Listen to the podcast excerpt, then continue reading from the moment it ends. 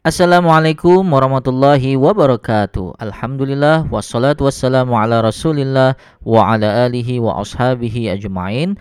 Rabbi shrahli sadri wa yassirli amri wahlul 'uqdatam min lisani yafqahu qawli.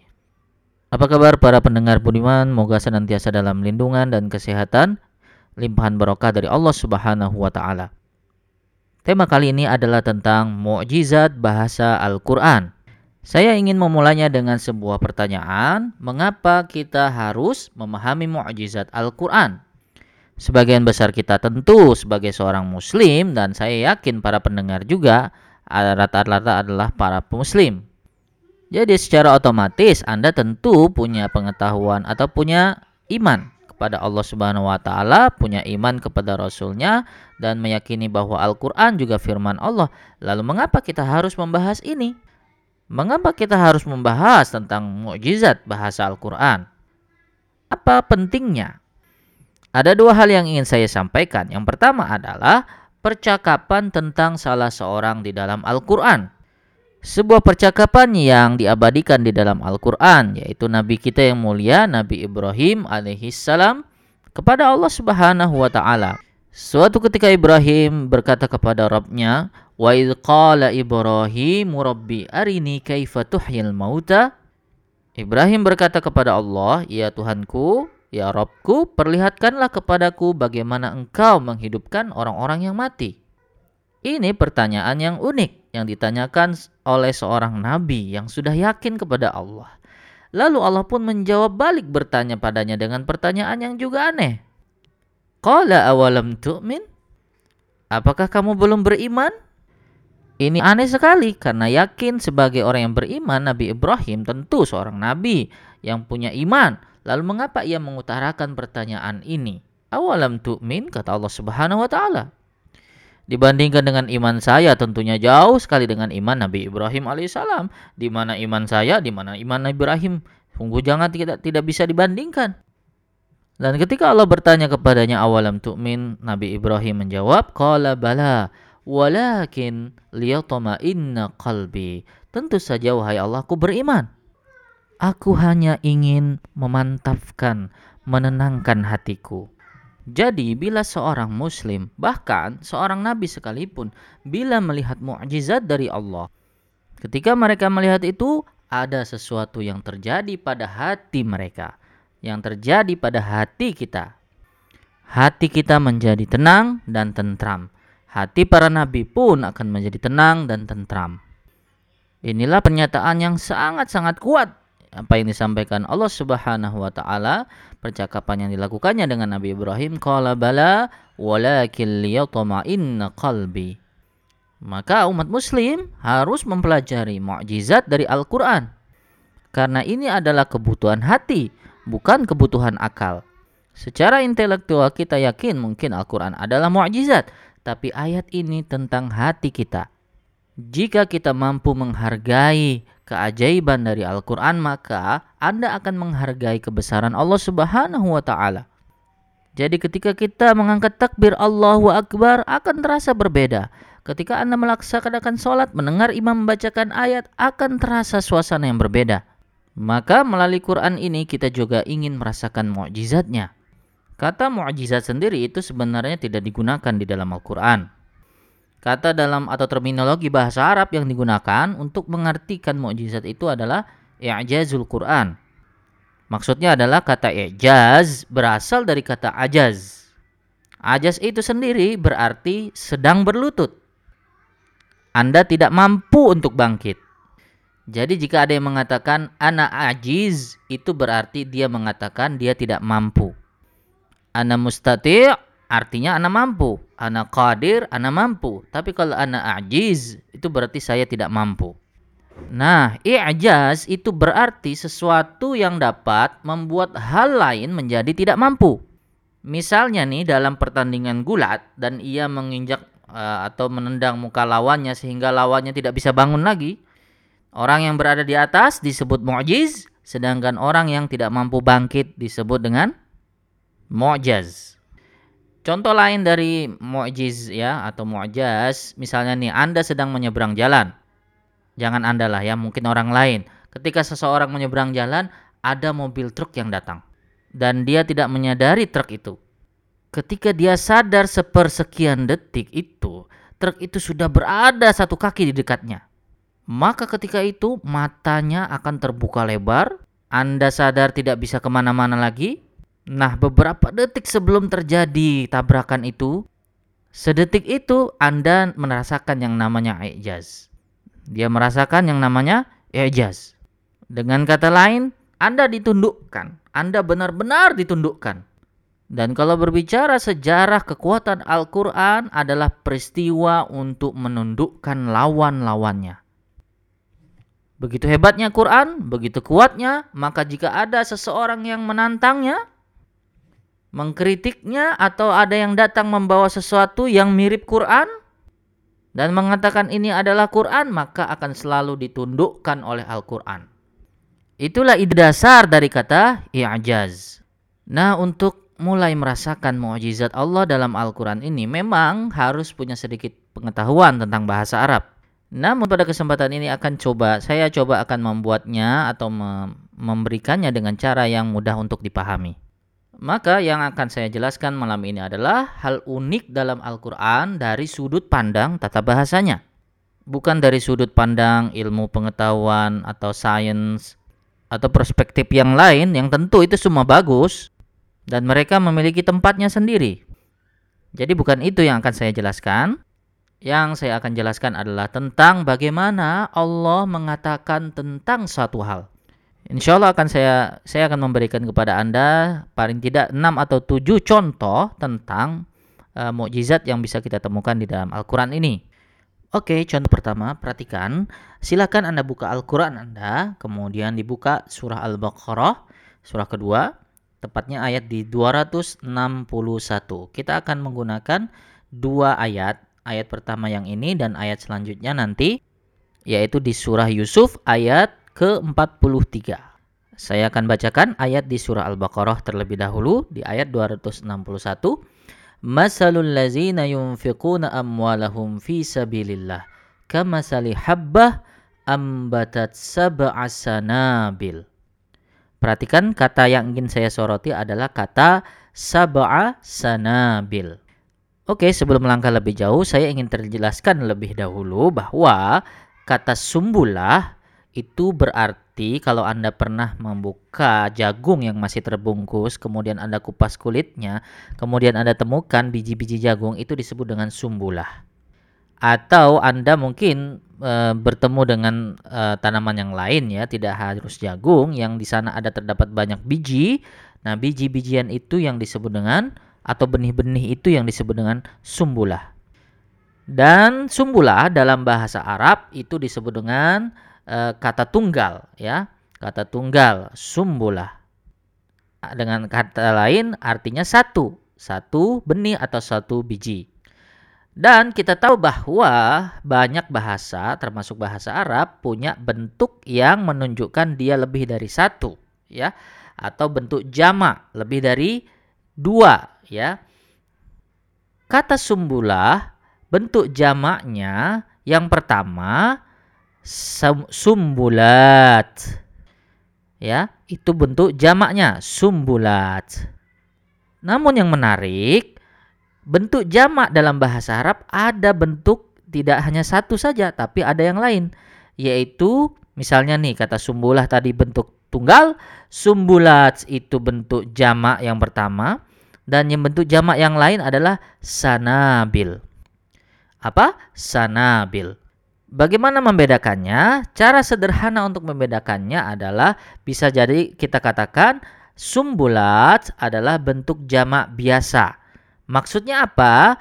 Banyak tapi masih bisa kita hitung. Antara angka 3 sampai e, eh, 9 masih bisa dihitung dengan jari. Itu bentuk jamak biasa. Sedangkan kata sanabil, sanabil ini adalah bentuk jamak bisa katakan kita katakan istilahkan bentuk jamak super atau jamak yang amat sangat banyak yang tidak mampu kita hitung ya jumlahnya. Saya ulangi, berarti jumlah sumbulah itu satu, sumbulat itu jamak, ya, jamak biasa, sedangkan sanabil ini super jamak. Itu sedikit pengetahuan dasar tentang uh, jumlah dalam bahasa Arab. Sekarang perhatikan ayat yang kita baca tadi surah Al-Baqarah. Masalul ladzina yunfiquna amwalahum fi sabilillah kamasali habbatin ambatat sab'as sanabil. Anda mendengar kata sab'as sanabil? Masih ingat itu bentuk jamak apa? Jamak biasa atau jamak super? Ya, itu adalah bentuk jamak super. Sekarang Anda tengok di surah Yusuf ya. Dan ini di sini digunakan kata bentuk jamak yang biasa. Perhatikan ayatnya.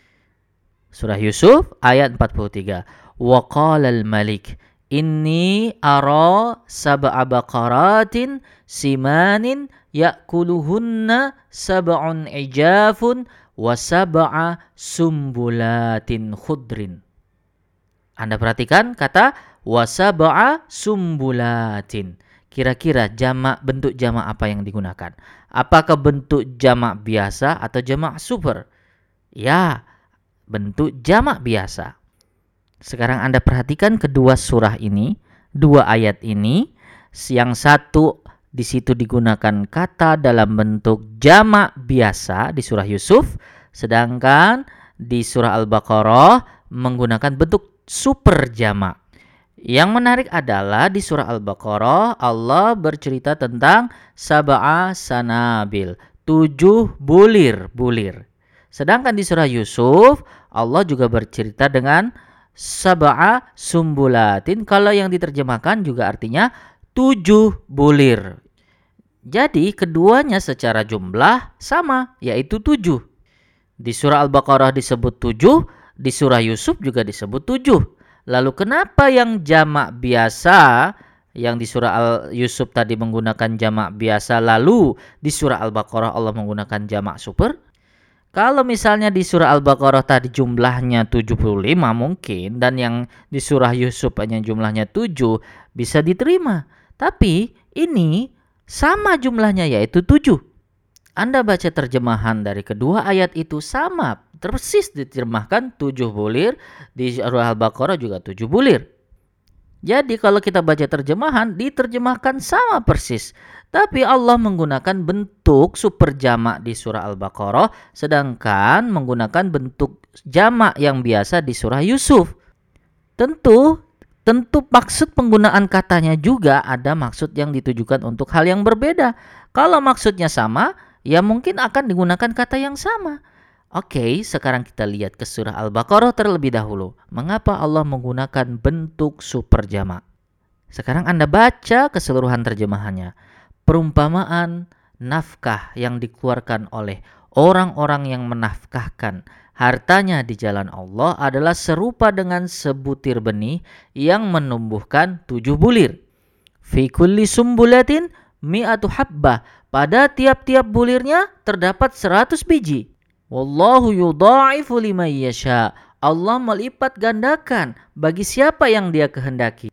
Jadi kalau Anda perhatikan di surah ini, ayat ini, konteks dari ayat ini adalah Anda memberi satu, nanti Anda akan dapatkan tujuh. Setiap tujuh itu nanti akan berlipat ganda menjadi seratus. Terus berlipat-lipat 7 kali 100 kali 7 kali 100 dan seterusnya. Dari perhitungan yang bisa Anda lakukan, Allah memiliki perhitungannya sendiri. Wallahu yudha'ifu liman yasha. Yang berarti bahwa perhitungannya ini melebihi kemampuan manusia. Jadi kalau kita lihat konteks dari ayat ini, maksud dari ayat ini menggambarkan jumlah yang banyak atau sedikit konteks yang banyak dan super banyak, maka bentuk super jamaklah yang digunakan di ayat ini. Subhanallah. Sekarang Anda lihat di surah Yusuf ayat ke-43. Anda baca terjemahannya. Sang raja melihat mimpi. Anda ingat apa mimpinya?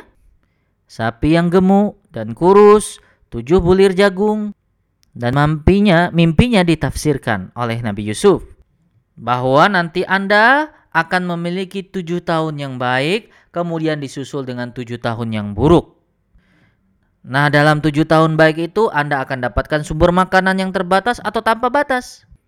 sangat terbatas, jadi Anda harus hati-hati menggunakannya. Bahan pangan itu harus disimpan karena akan digunakan di tujuh tahun yang buruk berikutnya.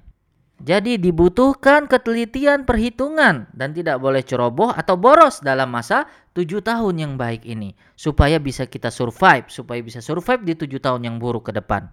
Jadi ketika Anda lihat konteks dari surah Yusuf ini di ayat 43 ini, Allah menggunakan kata sumbulatin jamak biasa yang menggambarkan bahwa ayat ini memiliki konteks sedikit atau banyak?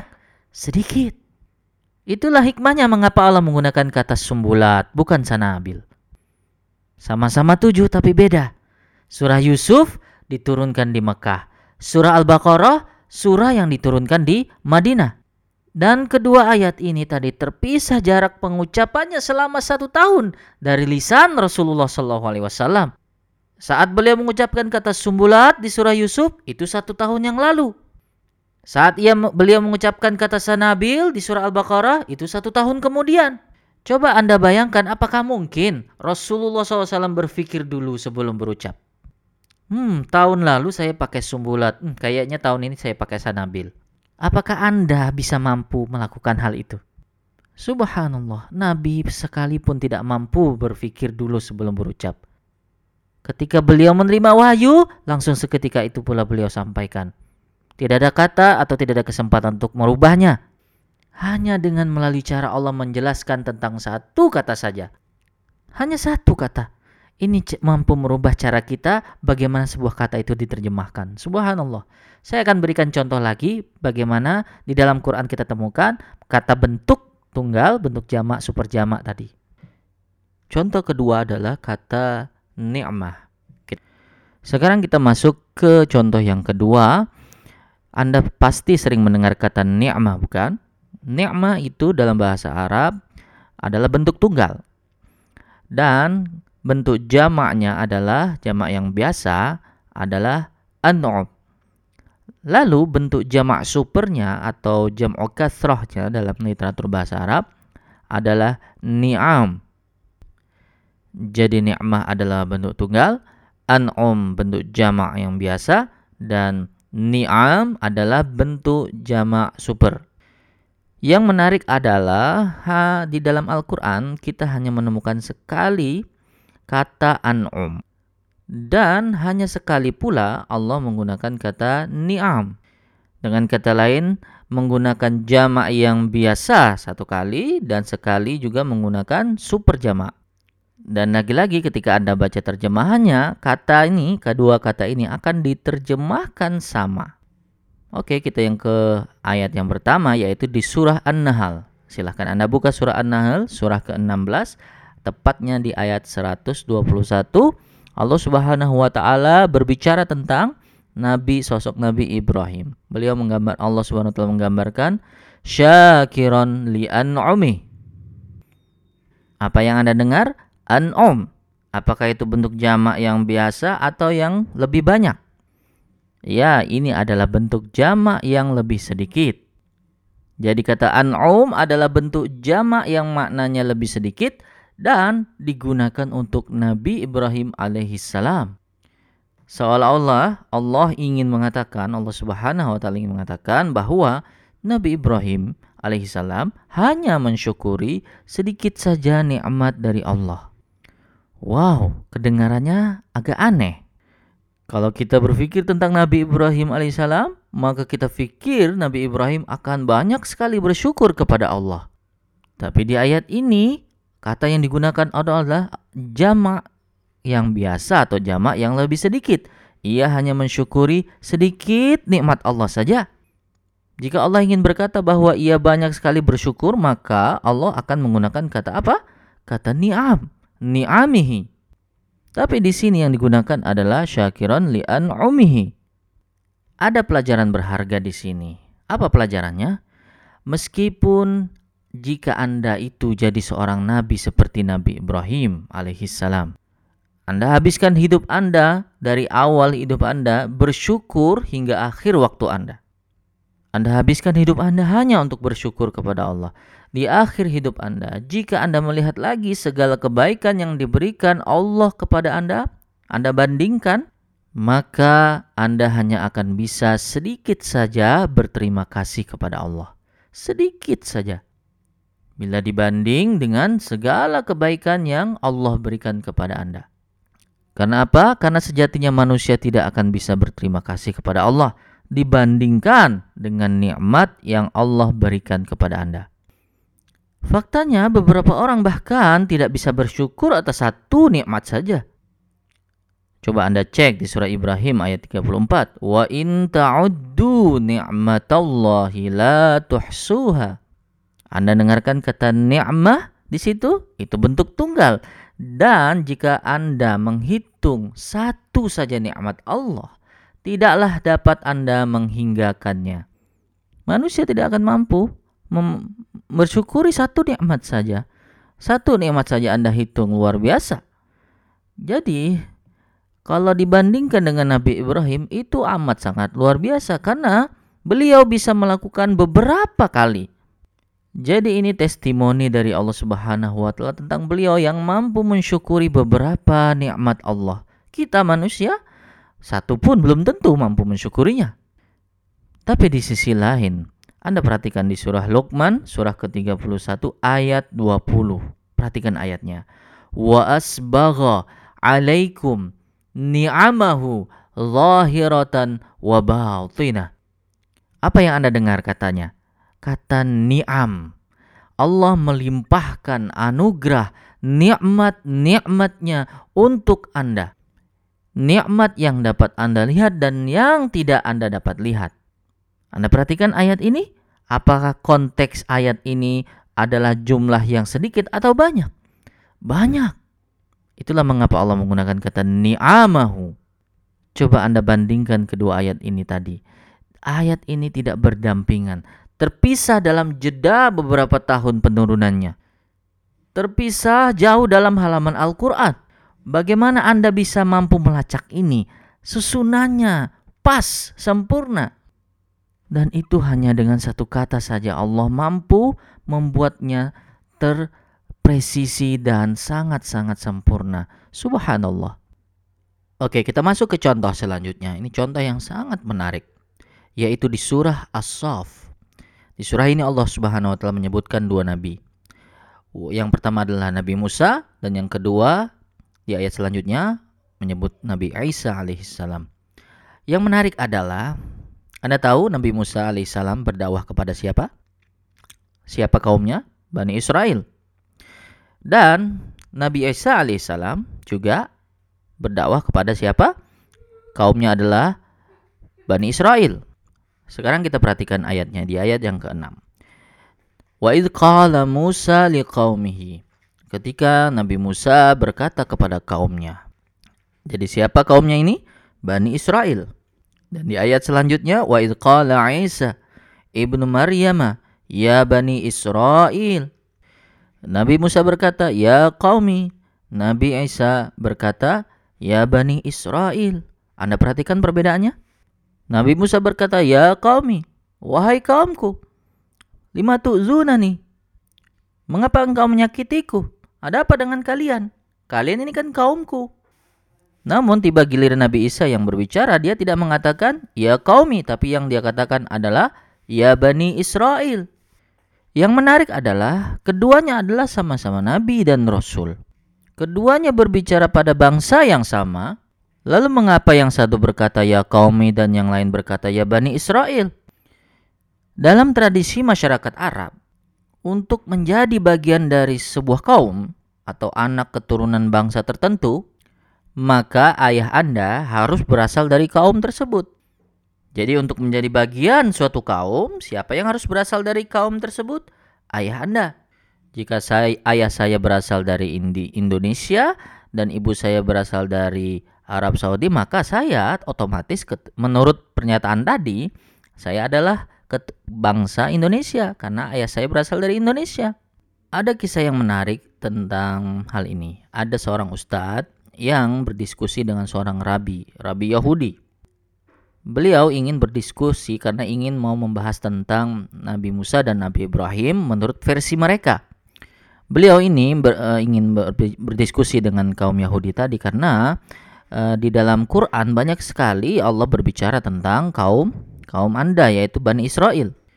Jadi tentu mereka punya latar belakangnya. Maka sang ustadz ini juga berbicara uh, dia tidak ing, dia ingin mendengar dari sudut pandang uh, rabi ini.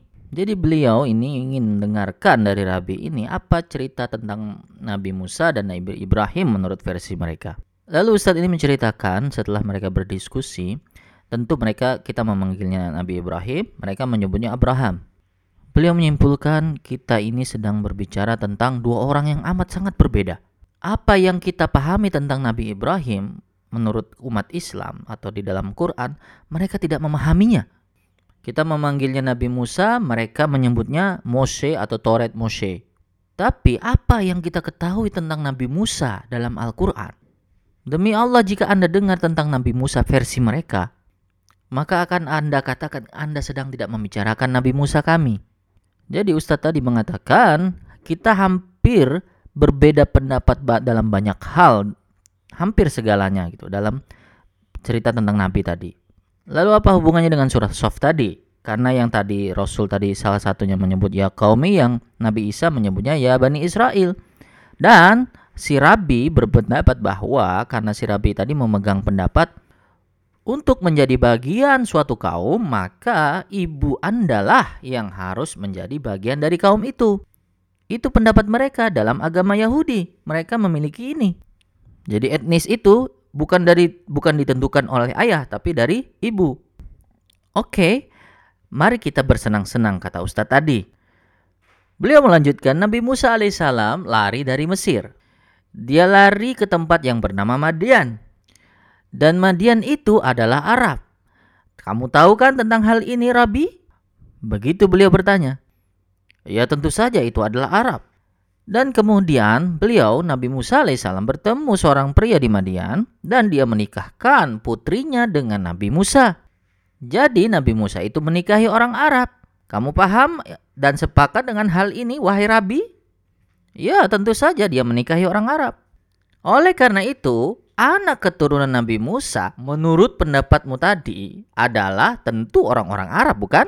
Lalu dia pun menghentikan diskusinya karena dia terpojokkan dengan pendapatnya sendiri. Jadi kita tahu bahwa etnis berasal dari siapa? Dari ayah. Itulah mengapa wahai Rabi, kata Ustaz tadi, kalian sebut kaum kamu itu, kaum kalian itu anak keturunan Israel, Yakub, nama lain dari Nabi Yakub. Kalian itu tidak dianggap berasal dari bangsa ibumu, tapi kalian itu berasal dari bangsa ayahmu. Itulah mengapa semua manusia disebut sebagai Bani Adam, anak Adam, bukan Hawa. Kenapa? Karena identitas kita ditentukan dari ayah. Dari inilah dari awalnya. Jadi sisilah akhir nama Anda itu adalah Adam. Oke, kita kembali lagi. Untuk menjadi bagian sebuah kaum, siapa yang harus berasal dari kaum itu? Ayah Anda. Jadi ketika Nabi Musa berkata, "Ya kaumi," Maksudnya adalah kalian ini adalah bangsaku karena ayahku berasal dari kalian. Nabi Isa alaihissalam dalam Al-Quran tidak pernah sekalipun menyebut ya kaumi. Tidak pernah mengatakan ya kaumi. Dia mengatakan ya Bani Israel. Jadi beliau tidak bisa mengatakan ya kaumi. Karena bila, bila beliau mengatakan ya kaumi itu berarti ayahnya Nabi Isa berasal dari anda. Berasal dari Bani Israel. Tapi masalah teknisnya adalah Beliau tidak punya ayah. Jadi dia tidak bisa mengatakan ya kaumi, dia hanya bisa mengatakan ya Bani Israel. Jadi Al-Quran menjaga kisah kelahiran Yesus, menjaga kisah kelahiran Isa dari wanita perawan lebih baik dari Injil. Inilah yang bisa kita sebut ketelitian yang melebihi kemampuan manusia. Allah Subhanahu wa taala tidak perlu membuat bagian Al-Qur'an terpisah agar kita meyakini bahwa Nabi Isa tidak memiliki ayah. Atau tidak perlu membuat surah tersendiri untuk meyakinkan bahwa Nabi Isa tidak memiliki ayah. Dia cukup membuatnya mengatakan ya Bani Israel. Itu saja sudah cukup. Dan saya katakan tadi identitas itu berasal dari siapa? Dari ayah. Dan kita katakan Nabi Muhammad SAW ibnu Abdullah. Atau Omar bin Khattab tapi pada saat tiba giliran Nabi Isa kita sebut apa? Isa ibnu Maryam. Allah merubahnya. Karena di sini, wahai Isa, Anda tidak punya identitas lain. Ayahnya tidak ada. Tidak punya ayah, jadi Anda harus mengatakan apa? Maryam. Tidak ada manusia lain yang pada saat Anda sebutkan binnya, ibnnya, maka yang muncul nama perempuan. Kecuali siapa? Isa ibnu Alai, ibnu Maryam. Mengapa hal ini sangat penting? Karena itu bagian dari keimanan kita bahwa orang tuanya hanya satu. Jadi kita harus mengatakan Isa ibnu Maryam. Ini merupakan penghormatan tersendiri bagi ibunda Maryam alaihi salam. Alaihi salam. Sekaligus ini adalah pengesahan atas persalinannya pada saat perawan. Anda tahu dalam salah satu Injil di bagian pertamanya adalah tentang silsilah keturunan Yesus. Tentang suami dari Maryam dan seterusnya. Al-Quran datang membersihkan sepenuhnya tuduhan terhadap Maryam itu. Nah, itulah contoh ketiga dari mukjizat Quran. Hanya dengan satu kata, ya qaumi, ya bani Israel. Oke, sekarang kita akan masuk ke contoh yang lebih menarik lagi. Silakan Anda buka surah Al-Jumu'ah, surah ke-62, ayat pertama. Yusabbihu lillahi ma fis samawati wa ma fil ard, al-malikil quddusil azizil hakim. Bagi Anda yang rutin membaca Al-Quran, pasti Anda semua mengetahui bahwa biasanya di akhir suatu ayat Allah menyebutkan dua namanya atau dua sifatnya. Wallahu ghafurun, wallahu ghafurur rahim, wallahu azizul hakim dan lainnya ya kan? Jadi Allah sering menyebutkan dua namanya beberapa kali di beberapa tempat di ayatnya. Nah, ayatnya yang akan saya bacakan lagi ini ada yang unik. Yusabbihu lillahi ma fis samawati wa ma fil ard al-malikil quddusil azizil hakim. Jadi di ayat ini ada empat nama yang disebutkan. Disebutkan. Unik kan? Dan saya akan terangkan lebih dahulu arti dasar dari empat kata ini. Agar kita mampu lebih memahami dan menghargai betapa indahnya ayat ini. Al-Malik berarti raja.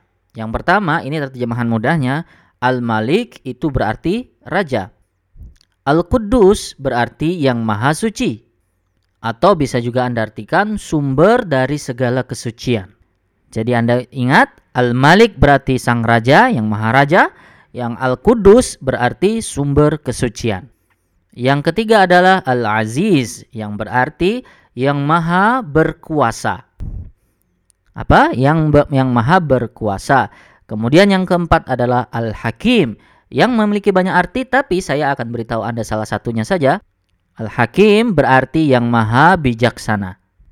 Kita ulangi lagi, Al-Malik adalah raja, Al-Quddus adalah yang sumber kesucian, yang ketiga adalah Al-Aziz yang maha berkuasa dan yang keempat adalah Al-Hakim yang maha bijaksana. Oke, yang pertama, ayat yang pertama dari surah Al-Jumu'ah ini adalah semua tentang Allah. Allah Azza wa Jalla. Sekarang Anda fokus ke ayat yang kedua dari surah Al-Jumu'ah. Ayat ini adalah tentang Rasulullah wasallam. Jadi ayat pertama adalah tentang Allah, yang kedua adalah tentang Rasulullah wasallam. Huwallazi ba'asa fil ummiyina rasulan minhum yatslu alaihim ayatihi wa yuzakkihim wa yuallimuhumul kitaba wal hikmata wa in kanu min qablu lafi dhalalim mubin. Ayat kedua ini adalah sekali lagi tentang Rasulullah Shallallahu Alaihi Wasallam. Bisa kita katakan bahwa ayat kedua ini adalah ringkasan dari perjalanan hidup Rasulullah Shallallahu Alaihi Wasallam. Dalam satu ayat, semua perjalanan hidupnya. Nah di ayat yang kedua ini Allah menjelaskan cara Rasulullah SAW merubah suatu masyarakat. Bagaimana ia mampu melakukannya, langkah apa saja yang ia tempuh, Anda akan temukan di ayat ini. Anda tahu berapa langkah? Empat langkah. Berapa banyak disebutkan di ayat ini, di ayat kedua ini? Empat langkah. Anda masih ingat uh, angka empat sebelumnya apa? Empat sebelumnya adalah empat nama Allah yang disebutkan di ayat pertama. Dan Rasulullah SAW melakukan berapa langkah? Empat langkah. Oke, sekarang fokus dulu. Coba bayangkan Anda hidup seribu atau tiga ribu tahun yang lalu. Katakanlah Anda sedang berpergian dengan kendaraan model terbaru pada saat itu, mungkin keledai model terbaru atau kuda dan Anda memasuki kawasan suatu kerajaan. Coba sebutkan bagaimana cara Anda mengetahui bahwa Anda memasuki wilayah suatu kerajaan. Apa yang Anda perhatikan? Ada bendera, patung, ada tentara yang berjaga, ya kan? Anda melihat logo istana kerajaan. Jadi Anda akan lihat suatu tanda tertentu bahwa tempat ini adalah sebuah suatu kerajaan dan ada rajanya di situ. Anda akan melihat tandanya. Jadi kesimpulannya, seorang raja dapat terlihat dari apa? Dari tanda-tandanya. Anda tidak akan tahu bahwa dia adalah seorang raja kecuali dia jika dia pakai mahkota misalnya. Kalau hanya sekedar pakai kaos, Anda tidak akan tahu kalau dia itu raja. Jadi raja harus pakai jubah, pakai mahkota. Jadi ada tanda yang mengindikasikan bahwa Anda akan menemui seorang raja. Inti dari yang pertama adalah seorang raja diketahui dari apa? Dari tanda-tandanya. Oke, apa nama Allah yang pertama disebutkan di ayat yang pertama tadi? Al-Malik. Apa artinya? Raja. Allah berkata tentang Rasulullah SAW bahwa dia melakukan empat hal.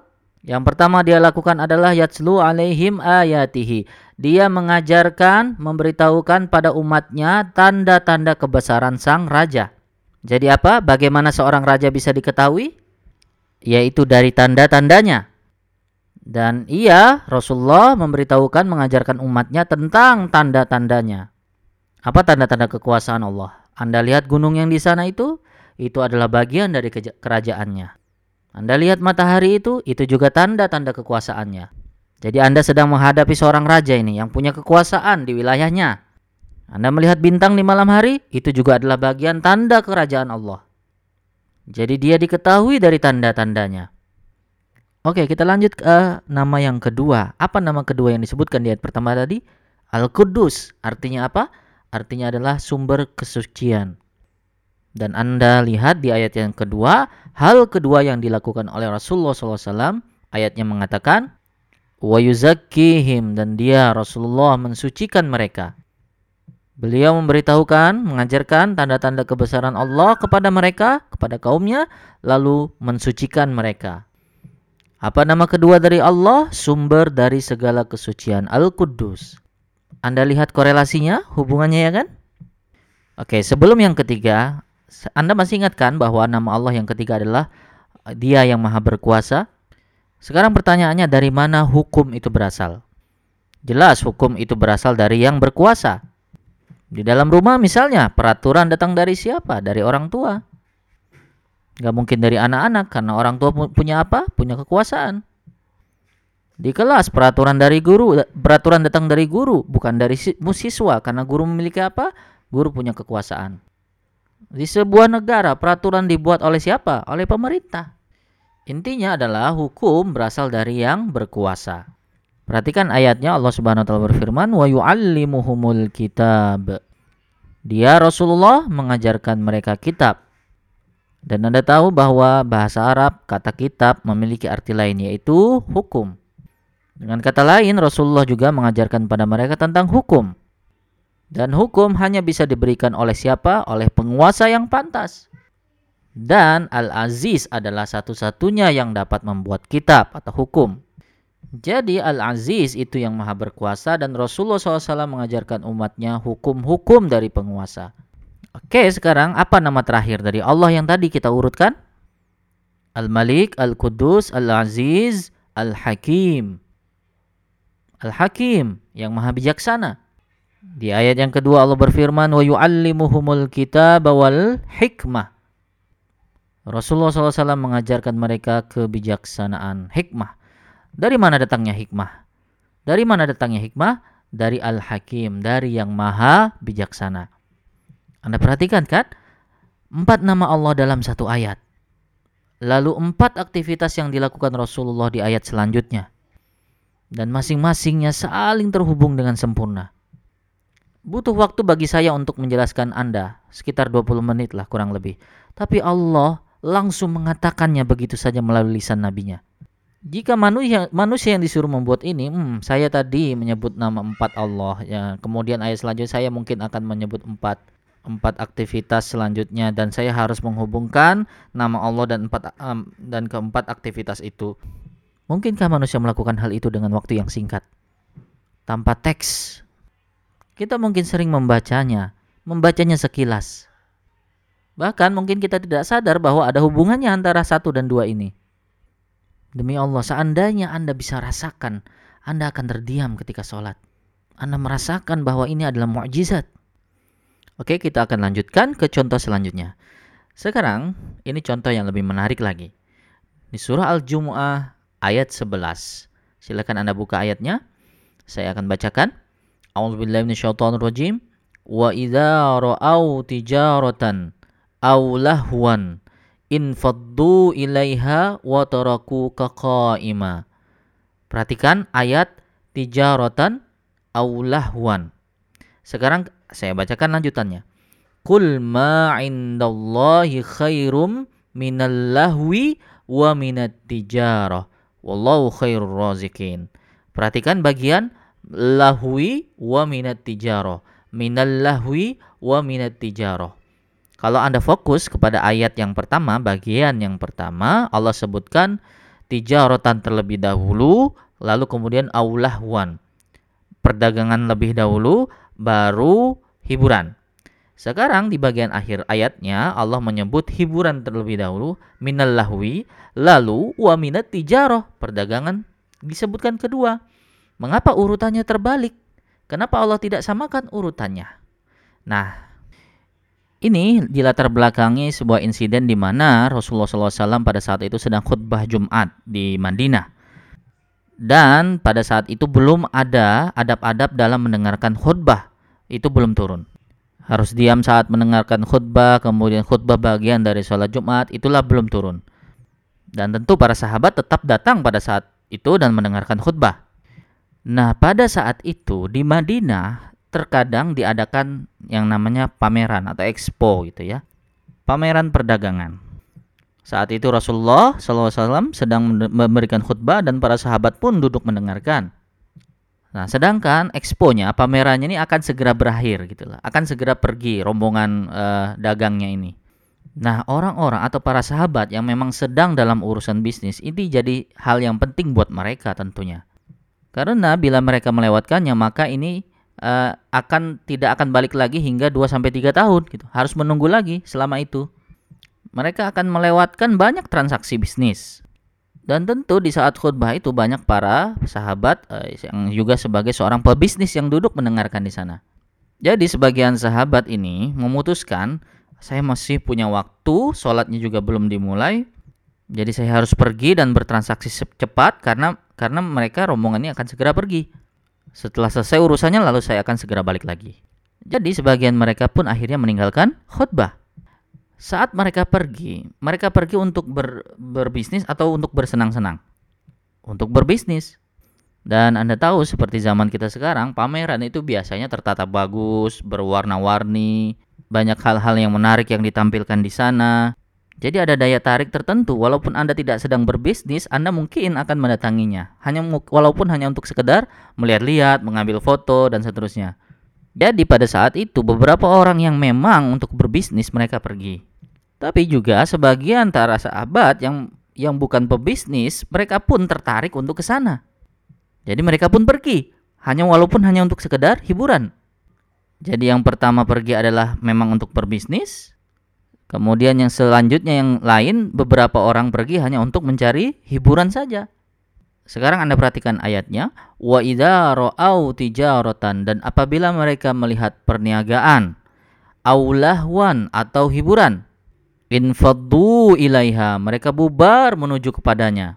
Wataraku kaqaima dan mereka tinggalkan engkau wahai Muhammad sedang berdiri. Pada saat itu lagi khutbah. Apa yang disebutkan lebih dahulu? Bisnis atau hiburan? Bisnis dulu yang disebutkan karena yang pertama pergi bukanlah untuk mencari hiburan mereka pergi untuk berbisnis kalau mereka lewatkan nanti tidak bisa jualan lagi maka mereka pun pergi sekarang coba dengarkan di ayat yang sama, "Qul ma indallahi khairum minal lahwi wa minat tijarah." Sekarang Allah balik urutannya. Allah Subhanahu wa taala berfirman, "Apa yang di sisi Allah lebih baik daripada hiburan dan perniagaan?" Wallahu khairur razikin dan Allah adalah sebaik-baik pemberi rizki. Jadi Allah mengganti urutannya di ayat yang sama. Di awal tadi Allah berfirman apabila mereka melihat perniagaan atau hiburan Selanjutnya, apa yang di sisi Allah lebih baik daripada hiburan dan perniagaan? Jadi muncul pertanyaannya, mengapa Allah ganti urutannya? Mengapa jadi balik seperti itu uh, urutannya? Saya sudah jelaskan di awal mengapa perniagaan disebutkan lebih dahulu untuk bagian yang awal. Yaitu karena orang yang pertama meninggalkan khutbah adalah tujuannya untuk berbisnis. Dan orang rombongan yang kedua adalah hanya untuk bersenang-senang. Tapi di bagian selanjutnya Allah sedang tidak membicarakan tentang peristiwa itu lagi. Bagian selanjutnya dari ayat ini adalah tentang prinsip hidup yang utama dari seorang muslim. Bagian yang tentang pameran atau expo itu sudah selesai. Sekarang Allah menjadikan peristiwa itu mengajarkannya kepada kita pelajaran tentang kehidupan. Berdasarkan peristiwa yang tadi itu. Berdasarkan peristiwa tadi itu, coba sekarang Anda pikirkan Apakah semua orang berbisnis? Tidak. Tapi apakah semua orang mencari hiburan atau kesenangan? Ya, tentu, jelas. Tidak semua orang berbisnis, tapi setiap orang pasti mendapatkan godaan untuk apa? Kesenangan atau hiburan. Jadi yang mana biang keladi yang sifatnya lebih umum? Ketika Allah membicarakan tentang biang keladi utamanya yang membuat Anda menjauh dari mengingat Allah, apa yang dia sebutkan lebih dulu? yaitu hiburan lebih dulu. Qul ma 'indallahi khairum minal lahwi wa minat tijarah. Baru kemudian urusan perdagangan atau bisnis disebutkan. Subhanallah, inilah keindahan bagaimana cara dalam satu ayat Allah berceritakan peristiwa sekaligus memberikan kita pelajaran hidup. Saya akan sedikit tambahkan karena ini terkait dengan ayat di surah Jum'ah. Allah katakan menggunakan kata tijarah. Tetapi kalau Anda baca di ayat ke-9 Allah Subhanahu wa taala berfirman, "Ya ayyuhalladzina amanu idza nudiya lis-salati min yaumil jumu'ati fas'au ila zikrillahi wa tijarah." Tidak. Tapi Allah menggunakan kata wazarul bai'. Jadi Allah menggunakan kata tidak selalu menggunakan kata tijarah setiap waktu. Kadang Allah menggunakan kata bai'. Lalu apa perbedaannya? Ini menarik juga. Kata bai' itu bukanlah artinya berbisnis, tapi bai' itu adalah penjualan. Bai' berarti penjualan. Begini, ketika Anda berbisnis, banyak sekali kan yang harus dikerjakan gitu. Ada seorang angkutan yang mencatat keuangan, ada petugas pembayaran, tagihan dan seterusnya. Ada bagian keamanan, bagian penjadwalan, ada bagian perekrutan dan lain-lain. Banyak hal yang dilakukan dalam bisnis. Jadi Anda harus memantau semuanya ketika Anda menjalankan bisnis. Dan biasanya di akhir waktu ketika mungkin gajian ya, Anda seorang bisnis owner ketika itu uh, ini membayar gajian biasanya di hari Jumat ya, dan Anda dan tiba waktunya sholat Jumat biasanya memang paling menyakitkan ketika Anda harus membayar gaji karyawan tapi namanya itu adalah kewajiban. Eh, dan kadang-kadang Anda hanya menunda waktu, oh sekarang waktunya sholat Jumat, ya. Tapi bagaimana misalnya begini nih, Anda ketika mau melaksanakan sholat Jumat tiba-tiba ada pembeli yang masuk. Beberapa pembeli biasanya hanya membawa keranjang kecil, tapi ini pembeli ini membawa troli yang besar. Dan ketika dia masuk dia menaruh banyak barang terus dan terus menumpuk barangnya. Katakanlah khutbah mulai jam 12.15, sekarang waktunya jam 12.10 gitu. Anda mulai ragu, dan Anda mengatakan mungkin dia akan tepat waktu. Masih ada waktu untuk ikut khutbah. Kalau misalnya saat ini, saat itu Anda sedang mengisi slip gaji atau mengisi formulir pajak atau saat itu membawa, membayar tagihan listrik, Anda mungkin akan menundanya dan Anda akan langsung sholat. Tapi kalau ada pembeli model begini yang menggiurkan yang datang dan dia mengisi banyak barang di trolinya, apakah ini termasuk hal yang mudah atau sulit untuk ditinggalkan? Sangat sulit. Jadi bisnis mungkin mudah untuk ditinggalkan. Jadi apa yang sulit ditinggalkan? Saat penjualan terjadi transaksi. Karena penjualanlah, transaksilah segala daya upaya yang kita lakukan menjadi berarti. Bisnis kita menjadi berarti. Segala penderitaan yang Anda hadapi di dalam bisnis itu hanya untuk hal ini saja. Apa? Penjualan. Jadi pada saat orang membeli datang, ah telat sedikit nggak apa-apa lah, masih di, bisa dikejar kok di rakaat kedua misalnya. Anda masih bisa menunda. Tapi Allah Subhanahu wa taala berfirman, tinggalkanlah jual beli, wadarul bai'. Mungkin Anda protes, bagaimana caranya saya dapat uang nantinya? Allahu khairur raziqin. Allah yang akan sediakan buat Anda, bukan Anda. Allah menguji Anda dengan penjualan itu, dengan transaksi itu. Allah menguji Anda dengan pembeli itu. Kadang memang Allah mengirimkan hal itu untuk menguji kita. Hal ini pun pernah terjadi pada Bani Israel pada saat mereka seharusnya beribadah. Ikan mereka melompat di atas permukaan air. Anda perhatikan di surah Al-A'raf ayat 163 Allah ceritakan peristiwanya. Inilah cara Allah menguji. Wallahu khairur raziqin. Baik, kita masuk ke contoh akhir dari tema ini ya. Insyaallah uh, Anda semua pasti tahu tentang ayat kursi kan? A'udzubillahi minasyaitonirrajim. Allahu la ilaha illa huwal hayyul qayyum. La ta'khudhuhu sinatu wa la naum. Lahu ma fis samawati wa ma fil ard. Man dzal ladzi yashfa'u 'indahu illa bi'iznih. Ya'lamu ma baina aydihim wa ma khalfahum wa la yuhituna bi syai'in min 'ilmihi illa bima syaa' wasi'a kursiyyuhu as-samawati wal ard wa wa huwal aliyul azim. Kita bisa membagi ayat kursi ini menjadi sembilan bagian. Allahu la ilaha illa huwal hayyul qayyum itu yang pertama. La ta'khuzuhu sinatu wala naum itu bagian yang kedua. Lahu ma fis samawati wa ma fil ard itu bagian yang ketiga. Man zalladzi yashfa'u 'indahu illa bi'idznih itu bagian keempat. Ya'lamu ma baina aydihim wa ma khalfahum itu yang kelima. Wala yuhituna bi syai'im min 'ilmihi illa bima syaa' itu bagian yang keenam. Wasi'a kursiyuhus samawati wal ard itu bagian yang ketujuh. Wala ya'uduhu hifzuhuma itu bagian ke-8 wahwal aliyyul azim itu bagian yang kesembilan. Jadi satu ayat ini kita bisa bagi menjadi sembilan kalimat. Coba anda perhatikan ayat eh, kalimat yang pertama Allahu la ilaha hayyul al qayyum. Ini adalah kalimat yang indah yang diakhiri oleh dua nama Allah. Apa dua nama itu? Al Hayyu dan Al Qayyum, yang maha hidup kekal dan yang maha mengurus. Jadi segala sesuatu yang ada di muka bumi ini dirawat oleh Allah. Yang menarik dan luar biasa adalah di bagian akhirnya, yaitu di kalimat nomor 9. Kalimat yang ke-9. Kalimat yang pertama memiliki sesuatu yang berhubungan dengan kalimat yang ke-9, yaitu wahwal aliyul azim. Ada berapa nama Allah yang muncul di bagian ke-9? Dua nama juga. Jadi dua nama Allah di bagian pertama dan dua nama Allah di bagian yang akhir. Sekarang kita ke kalimat yang kedua. Sebelum ke sana saya ingin menceritakan kepada Anda tentang sebuah pen, uh, profesi penjaga keamanan ya. Anda tahu profesi yang paling melelahkan apa? Yaitu menjaga keamanan ya. Anda perhatikan uh, apa yang cenderung terjadi jika Anda bertugas menjaga sesuatu. Tentu cenderungnya adalah kecenderungannya adalah melelah dan mengantuk. Kita baca yang kalimat yang kedua, la ta'khuzuhu sinatu wala naum. Jadi keadaan mengantuk itu terjadi kalau apa? Kalau Anda lelah. Jadi keadaan mengantuk itu kalau kita te terlelah. Ya bisa kita tidak tertidur tapi separuh tidur. Itulah sinah ya. Seperti misalnya kalau Anda lagi mendengarkan khutbah, tiba-tiba mata Anda mulai menutup pelan-pelan tetapi Anda tidak tidur. Anda hanya hanya sinah itulah kondisi sinah. Kondisi selanjutnya adalah naum yaitu ter tertidur. Jadi sina itu kondisi mengantuk, lalu naum itu kondisi tidur.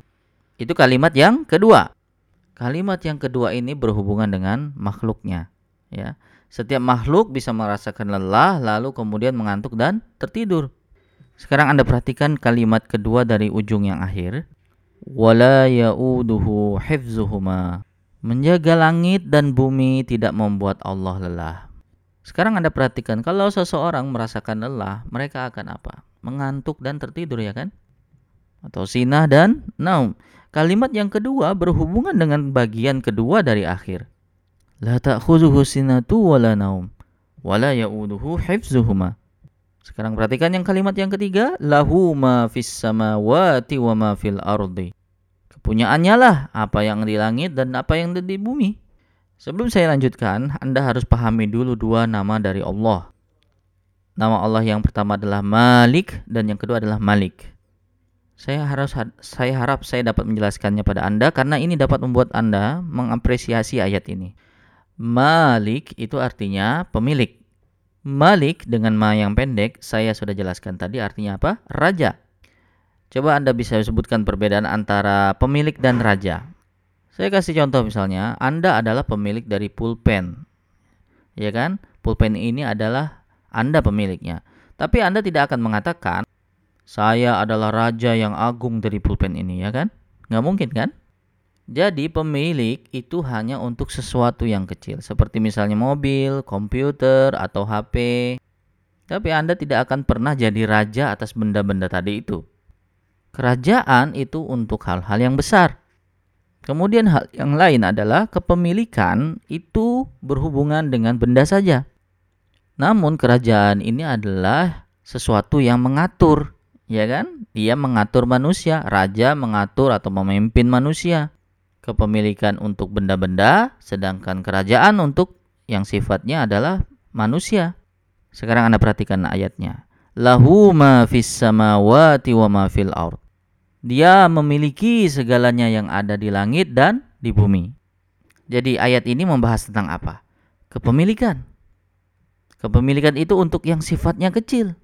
Jadi segala hal yang kecil yang ada di muka bumi, di langit itu juga merupakan milik Allah. Apa bagian ketiga dari ujung akhirnya? Wasi'a kursiyuhus samawati wal ard. Singgasananya meliputi langit dan bumi. Kalau Allah mengatakan singgasananya itu maka dia sedang membicarakan apa ini? Kerajaannya. Jadi satu bagian tentang kepemilikan, bagian lainnya adalah tentang kerajaan. Keduanya saling melengkapi. Karena kalau Anda pemilik, belum tentu Anda raja. Kalau Anda raja, belum tentu dia raja itu Anda memiliki semuanya. Seperti zaman sekarang, mungkin ada beberapa raja di tempat atau di negara lain. Anda mungkin bisa jadi raja di suatu pulau, tapi ke, apakah mungkin Anda memiliki semuanya di pulau itu? Ya, enggak kan? Allah adalah raja dari segalanya dan pemilik dari segalanya. Dan sebaliknya bisa juga seseorang bisa saja memiliki sesuatu tapi dia bukanlah raja. Anda punya harta tapi rajanya bukan Anda. Anda yang memiliki barang tapi orang lainlah yang memegang kekuasaan. Atau sebaliknya, ada yang berkuasa menjadi raja, pemimpin, presiden, tapi dia tidak memiliki suatu semuanya, tidak memiliki semuanya. Tapi Allah ini komplit. Allah adalah Malik, pemilik, dan sekaligus Malik, sekaligus raja. Bagian Malik itu dijelaskan dari ayat lahu ma fis samawati wa ma fil ard. Dan bagian yang menunjukkan kerajaan Allah adalah apa? Wasi'a kursiyuhus samawati wal ard. Sekarang kita ke yang keempat. Man zallazi yashfa'u indahu illa bi'izni. Mari kita pahami ayat ini dulu. Siapa yang dapat memberi syafaat kecuali Allah memberikannya izin. Syafaat itu apa? Mungkin Anda sebagian juga belum paham. Syafaat itu mudahnya begini, Anda memiliki koneksi atau hubungan. Misalnya Anda bekerja di sebuah perusahaan dan Anda hampir dipecat dari pekerjaan itu, tapi paman Anda itu manajer dari perusahaan itu pandan tentu paman Anda menolong Anda ya. Jangan-jangan jangan dipecat, dia bersama saya. Itulah syafaat.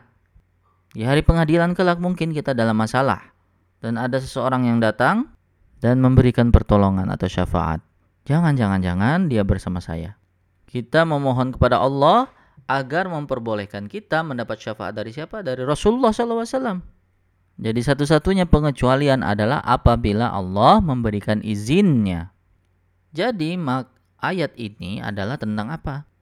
Yaitu tentang tidak ada seorang pun yang memiliki kuasa kecuali jika Allah memberikan itu kepadanya. Sekarang Anda perhatikan bagian ketujuh dari ayat ini. Wala yuhituna bi syai'im min ilmihi illa bima Dan mereka tidak mengetahui apa-apa dari ilmu Allah kecuali kecuali atas kehendaknya. Jadi bagian keempat dan keenam ya, keduanya merupakan pernyataan tentang Allah dan satu-satunya pengecualian. Bagian keempat tadi tidak ada seorang pun yang memiliki kuasa untuk membantu atau memberikan syafaat kecuali siapa pun yang diberikan izin oleh Allah. Bagian yang keenam, mereka tidak mengetahui apa-apa dari ilmu Allah melainkan apa yang dikehendakinya. Jadi bagian yang keempat dan keenam saling berhubungan. Coba Anda perhatikan polanya. Bagian satu berhubungan dengan sembilan, dua berhubungan dengan delapan, tiga berhubungan dengan tujuh, empat berhubungan dengan enam. Mana yang belum? Bagian yang tengah kan? Bagian yang kelima. Ya'lamu ma baina aydihim wa ma khalfahum. Allah mengetahui apa-apa yang di hadapan dan apa yang ada di belakang mereka. Allah tahu apa yang ada di belakang dan apa yang ada di depan dari ayat ini. Subhanallah. Dan bagian ini tepat di bagian tengah. Aku tahu apa yang ada di depan dan di belakang. Subhanallah. Coba Anda bayangkan siapa yang mampu bisa berbicara dengan cara seperti itu. Cara bagaimana Allah berbicara, berfirman. Cara Allah menyampaikan perkataannya saya ingin mengungkapkan fakta juga bahwa saat ini kita membaca Al-Quran dalam bentuk buku. Kita membacanya dalam bentuk teks. Kita bisa lihat kalimat ke-1, 2, 3, 4, 5, dan seterusnya. Apakah para sahabat melakukannya? Apakah Rasulullah SAW mengatakan perhatikan kalimat 1 dengan kalimat 9, 2 dengan 8, 3 dengan 7? Tentu tidak, karena beliau apa? Beliau hanya langsung mengucapkannya saja. Beliau langsung mengucapkan Al-Quran. Kita bisa melihat hal ini, fakta ini seperti ini ketika dalam bentuk tulisan. Al-Quran sangat sempurna bahkan ketika diturunkan melalui lisan. Coba Anda bayangkan mana yang lebih rawan terjadi kesalahan. Saat Anda berbicara atau saat Anda menulis. Tentu saat Anda berbicara, kalau Anda mengucapkan sesuatu maka itu sulit dikoreksi, apalagi kalau sudah masuk YouTube. Tapi jika Anda menulis misalnya, ketika Anda memulai menerbitkannya atau mempostingnya, mungkin Anda ada kesempatan untuk mengeditnya. Kayaknya ini harus dihapus, ah, baru sudah selesai, baru bisa dikirim. Jadi Anda punya kesempatan untuk mengkoreksinya. Tapi kalau diucapkan itu, maka tak ada kesempatan untuk dikoreksi. Allah Azza wa Jalla menurunkan Al-Quran ini bukan dalam bentuk tulisan, tapi melalui ucapan. Ucapan Nabi SAW. Pernah ada komentar tentang seorang ahli bahasa yang non-muslim ya, dan ketika itu seorang ustadz bertanya kepadanya, dan apa kesimpulan dari uh, ahli bahasa itu? Dia menolak untuk percaya kalau Al-Quran diturunkan secara lisan. Dia tidak percaya, dia bilang pasti ini ditulis. Tidak mungkin diucapkan. Lalu Ustaz tadi berkata, benar memang ditulis dulu tapi tidak ditulis di di dunia ini. Memang sudah ditulis lebih dahulu di mana? Di Lauhul Mahfuz. Tapi ini diturunkan melalui Rasulullah SAW dalam bentuk ucapan. Sehingga ini menjadi sangat jelas bagi yang mendengarnya. Ini tidak mungkin berasal dari mana? Dari manusia. Saya ingin menutup bagian akhir ini dengan satu konsep terakhir dan saya nanti akan tambahkan satu contoh lagi. Misalkan ini saya mengambil suatu artikel tentang takwa atau tentang iman atau tentang hadis, pokoknya tentang Islam lah ya. Kemudian saya mulai berbicara dan saya mulai bacakan artikel itu. Terkadang di sebagian negara khutbahnya itu dilakukan di dengan cara dibacakan ya kan? Sang imam berdiri dan kemudian membacakan khutbahnya. Walaupun Anda tidak melihat khotib di luar di luar karena Anda muslim yang luar biasa yang suka sholat dekat sendal di luar masjid, karena Anda terlambat, apakah Anda bisa memahami kalau dia itu membaca? Bisa mampu membedakan kalau sang khotib sedang membaca atau langsung berbicara? Anda tentu bisa menebaknya dari intonasi suaranya. Anda bisa menebaknya dari bahasanya yang tidak alami. Karena bahasa tertulis itu biasanya formal ya kan? Kalimatnya lebih panjang. Seperti misalnya ketika saya lagi berbicara, saya membuat kesalahan tata bahasa yang tak terhitung jumlahnya ya kan? Saya juga mengulang beberapa perkataan saya itu beberapa kali gitu ya kan? Jika saya menulis artikel, apakah saya akan mengulang-ulang seperti itu? Tidak ya kan? Dan apabila ada seseorang yang menuliskan ucapan saya di kajian ini misalnya, dia akan melihat pengulangan perkataan beberapa kali. Saya juga sering mengucapkan kata ya kan, ya kan, beberapa kali ya kan. Nah, tapi kalau itu ditulis mungkin tidak akan seperti tidak akan dicantumkan kata-kata itu gitu. Anda tidak akan temukan kata-kata itu di dalam tulisan. Ketika kita ketawa misalnya gitu, nggak ada. Maksudnya adalah ketika Anda berbicara dan ketika Anda menulis, orang yang sangat mengenal Anda pasti dapat membedakannya. Misalnya anak Anda, misalnya nih, Anda punya anak, kemudian dia menghafal sebuah puisi. Dan Anda tidak pernah dengar puisi ini sebelumnya. Lalu dia datang mendatangi Anda dan mulai melafalkannya kepada Anda. Apakah Anda tahu kalau itu bukan ditulis olehnya? Tentu Anda bisa tahu. Anda pasti bertanya, dapat dari mana kamu itu? Anak kan bilang, nah tidak, tidak saya, saya yang buat sendiri. Anda terus bertanya, tidak mungkin, kamu dapat dari mana? Anda bisa tahu karena Anda ini bukan perkataannya yang biasa. Jadi ada perbedaan yang sangat mendasar antara kata yang diucapkan dengan kata yang dituliskan. Kata tertulis itu sangat-sangat akurat, amat akurat dan tidak terdengar alami gitu. Tidak terdengar alami untuk diucapkan oleh seseorang gitu. Biasanya kalau itu diucapkan mungkin ada beberapa kesalahan gitu. Sekarang begini, Rasulullah SAW telah bersama masyarakatnya selama 40 tahun sebelum menjadi nabi. Sebelum beliau menjadi nabi. Dalam ilmu bahasa ada yang berpendapat bahwa seseorang itu memiliki pola ucapan tertentu. Misalnya jika dia berbicara dia terus mengulang kata-kata tertentu. Atau misalnya dia cenderung membuat kesalahan yang sama saat sedang berbicara seperti saya berbicara ya kan, ya kan? Jadi ada pola tertentu dalam berbicara. Dan ketika Rasulullah SAW mulai melafalkan Al-Quran, apakah itu ter akan terdengar seperti ucapannya yang biasa? Tidak. Apakah Anda dapat langsung katakan, kayaknya ini bukan yang Anda yang berbicara. Tidak ada yang berbicara dengan cara itu. Tidak ada yang berbicara seperti itu gitu. Apakah orang-orang Quraisy pada saat itu melihat Rasulullah di depan buku? Mereka tidak melihat malaikat juga memberinya buku kan? Mereka tidak melihatnya, tapi mereka tetap mengatakan bahwa ini bukan berasal darinya. Ini pasti datang dari tempat lain. Ini bukan ucapan Rasulullah SAW. Jadi ketika mereka mendengarkan, mereka memanggil dia apa? Tukang sihir. Tukang sihir ya kan? Nah, yang yang menarik adalah sihir itu adalah sesuatu yang harusnya dapat dilihat. Misalnya jika saya bisa keluarkan merpati saat ini juga gitu. Atau saya tarik telinga saya dan ada sesuatu yang keluar gitu. Jadi sihir itu sesuatu yang dapat Anda lihat dan membuat Anda terkesan, ya kan? Sihir itu biasanya adalah hal yang selalu dapat dilihat, yang dapat Anda lihat. Kaum Quraisy itu saat itu memanggil Rasulullah apa? Memanggil tukang sihir. Tapi bukan karena sesuatu yang dapat mereka lihat, tapi karena hal yang mereka dengar. Jadi ini aneh. Ini menggambarkan bahwa mereka sebenarnya sangat terkesan dengan ucapan Rasulullah meskipun mereka tak mempercayainya. Mereka memanggil beliau tukang sihir karena mereka kagum seperti melihat sihir gitu. Jadi kita kira mereka mengejeknya karena memanggil tukang sihir. Tapi sebenarnya mereka sendiri pun menyadari, tidak menyadari. Mereka sebenarnya sudah menerima separuh dari keimanan gitu. Karena bila Anda menyebut sihir, Anda sudah meninggalkan kepercayaan Anda. Dia mungkin sudah menganggap ini tidak bisa dijelaskan secara logika. Ini pasti ada aktivitas uh, yang tidak biasa gitu, paranormal atau apa gitu. Sesuatu yang tidak bisa dijelaskan secara sains atau akal. Jadi apa yang akan saya sebut itu sihir gitu. Jadi jadi sebenarnya mereka ini sudah separuh jalan keimanan gitu. Karena pada dasarnya mereka mengatakan bahwa itu berasal dari sesuatu yang tak terlihat gitu. Jadi ini adalah konsep yang untuk Anda pikirkan ketika sedang mempelajari Al-Qur'an. Baiklah kita akan uh, saya akan memberikan contoh yang terakhir dan ini sebenarnya bukan tentang mukjizat Al-Qur'an tapi ini adalah keindahan dari Al-Qur'an itu sendiri. Saya ingin jelaskan kepada Anda tentang surah Al-Insan.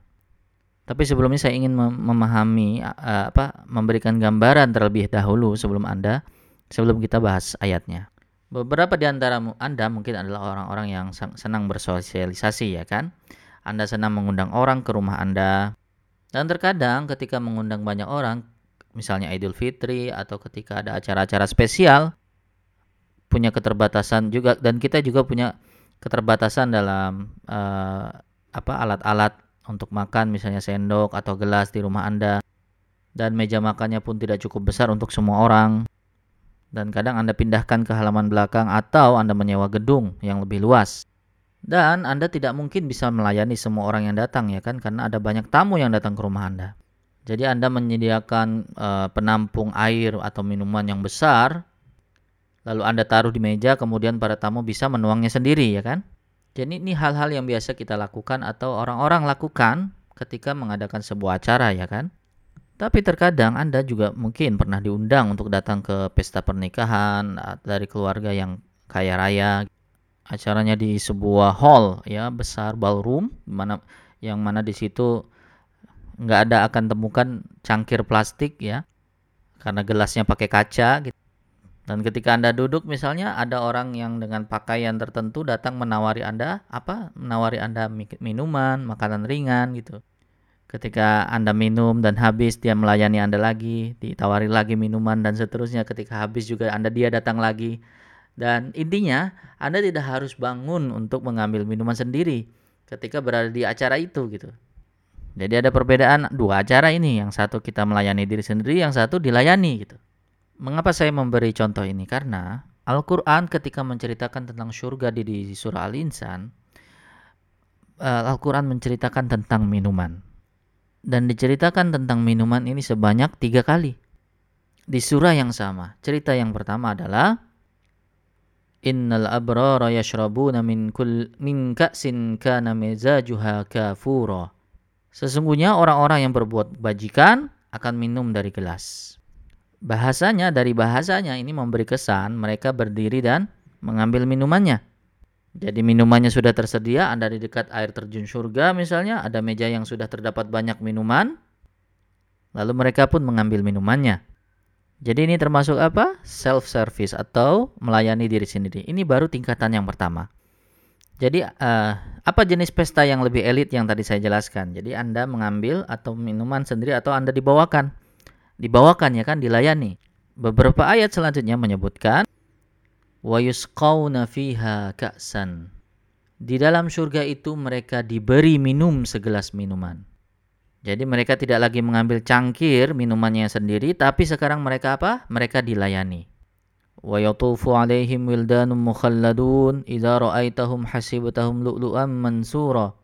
Mereka dikelilingi oleh pelayan-pelayan muda. Jadi ini tingkatan yang lebih lebih elit gitu. Terkait hal ini pernah ada seorang intelektual, orang orientalis ya, yang pernah berkata, Quran itu katanya menceritakan orang-orang yang hidupnya di padang pasir. Jadi mereka itu, oleh karena itu mereka membicarakan minum-minum di surga. Itu sangat-sangat primitif katanya. Apa benar demikian? Hingga saat ini di tahun 2000 berapa ini? 2021. Anda pergi ke pesta yang elit sekalipun ya apa yang Anda temukan? Minuman di gelas yang dilayani. Allah menaruh sesuatu di dalam Al-Quran yang tidak akan pernah hilang dari manusia. Tidak peduli betapa majunya teknologi mereka, tapi hal-hal ini, hal-hal seperti ini tetap masih berlaku. Angan-angan dilayani agar Anda merasa ini seperti kelas utama atau kelas para elit. Mengapa orang-orang mau membayar lebih mahal untuk penerbangan kelas utama? Karena mereka dilayani. Karena Anda ingin merasa dispesialkan. Allah Subhanahu wa taala menjelaskan, Anda akan mendapatkan minuman Anda sendiri, lalu Anda pun akan dilayani. Jadi ada levelnya ya kan? Sekarang pertanyaannya, apa ada lagi peningkatan yang lebih dari itu? Beberapa ayat kemudian Allah Subhanahu wa taala berkata, berfirman, "Wasaqahum rabbuhum syaraban tahura." Rob mereka sendiri yang memberikan kepada mereka minuman yang suci. Anda perhatikan peningkatannya, levelnya dinaikkan. Yang pertama Anda ambil minuman sendiri, kemudian Anda dilayani untuk minum, dan yang paling ultimate, yang paling puncak adalah di mana di saat Allah sendiri yang memberi Anda minuman. Ini keindahan yang amat sangat luar biasa. Bisakah Anda bayangkan ketika kita dilayani minum oleh Allah Azza wa Jalla? wasaqahum rabbuhum syaraban tahura. Itu itu saja, hal itu saja sudah cukup bagi kita untuk untuk menuju surga gitu. Beginilah cara Al-Qur'an menjelaskan. Jadi kita umat ini perlu untuk menghargai keindahan Al-Qur'an. Kita menemukan kembali, kita memahami kembali apa isi kitab ini. Ini ini sangat sangat diperlukan. Kita sudah terlalu lama fokus dengan pengetahuan teknisnya saja. Ketika seorang muslim berbicara tentang Quran maka hanya tentang halal dan haram saja. Ayat tentang halal dan haram itu cuma sedikit, ayatnya pun indah. Lalu bagaimana dengan sisanya? Apakah kita merasa sudah cukup dengan pemahaman yang ada? Karena Rasulullah SAW manusia yang paling pintar saja mengajarkannya dalam 23 tahun. Dan kita sudah merasa paham padahal belum baca sekalipun. Kita kadang-kadang mudah sekali meremehkan kitab ini.